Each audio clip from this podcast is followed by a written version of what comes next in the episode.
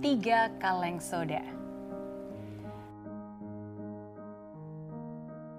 Kaleng-kaleng minuman soda diproduksi di sebuah pabrik. Ketika tiba hari distribusi, datanglah truk dari pabrik yang mengangkut kaleng-kaleng minuman soda menuju beberapa tempat yang berbeda. Perhentian pertama adalah pasar tradisional. Beberapa kaleng minuman soda diturunkan dan dipajang di rak. Kaleng soda itu harganya Rp4.000.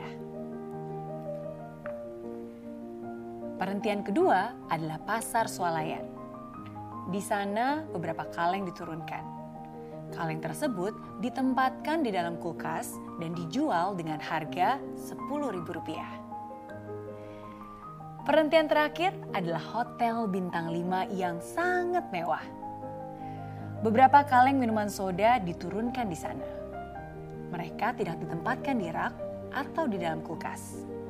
Sebab minuman bersoda ini hanya akan dikeluarkan jika datang pesanan dari pelanggan hotel. Minuman soda ini akan dihidangkan dengan gelas kristal berisi es disajikan di atas baki perak.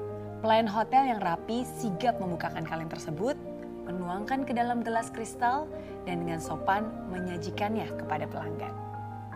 Harganya Rp60.000.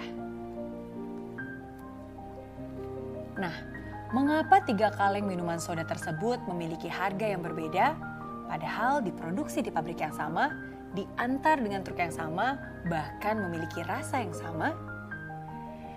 Jawabannya lingkungan menentukan harga kita. Contohnya, Bill Gates menghasilkan jutaan dolar sebagai pendiri Microsoft. Jika dia memutuskan untuk bekerja sebagai tukang cukur, apakah ada yang mau membayarnya satu juta dolar?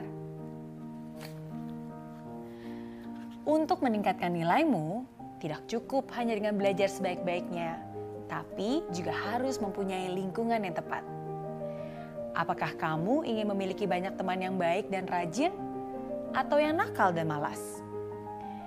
Pilihan yang tepat akan melipat gandakan nilaimu beberapa kali. Pilihan yang salah akan membatasi nilaimu.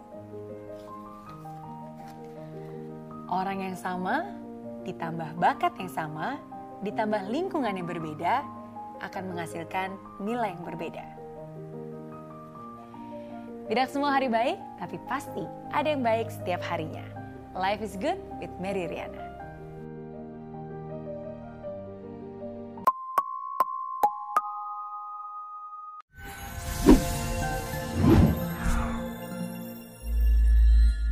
Katanya di situasi seperti sekarang ini mending di rumah aja. Bener sih, tapi pastikan ketika seharian di rumah, khususnya anak Anda bukan hanya main gadget terus. Akan jauh lebih baik kalau kita mulai mengajarkan satu kebiasaan paling positif pada mereka, yaitu kebiasaan untuk membaca. Nggak mudah, tapi bisa. Nah, apa langkah pertamanya? Berikan bacaan yang memang dirancang khusus untuk anak-anak. Ada banyak pilihan, salah satunya adalah buku Mary Riana for Kids, bacaan edukatif, inspiratif, dan pastinya disukai oleh anak Anda. Isinya berisi cerita-cerita analogi yang mudah dimengerti oleh anak dan juga juga disertai ilustrasi menarik jadi nggak bosan. Anak saya juga suka bacanya. Dia dua seri yaitu Mary Riana for Kids 1 dan juga Mary Riana for Kids 2. Buku ini bisa dibaca untuk anak-anak sendiri atau bisa juga Anda yang membacakannya untuk anak Anda. Tertarik? Segera miliki buku Mary Riana for Kids dengan klik link yang ada di bawah ini.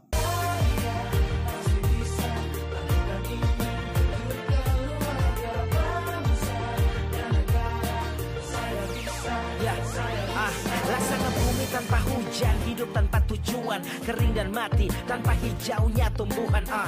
Demikian kalau mimpi tak kunjung terjadi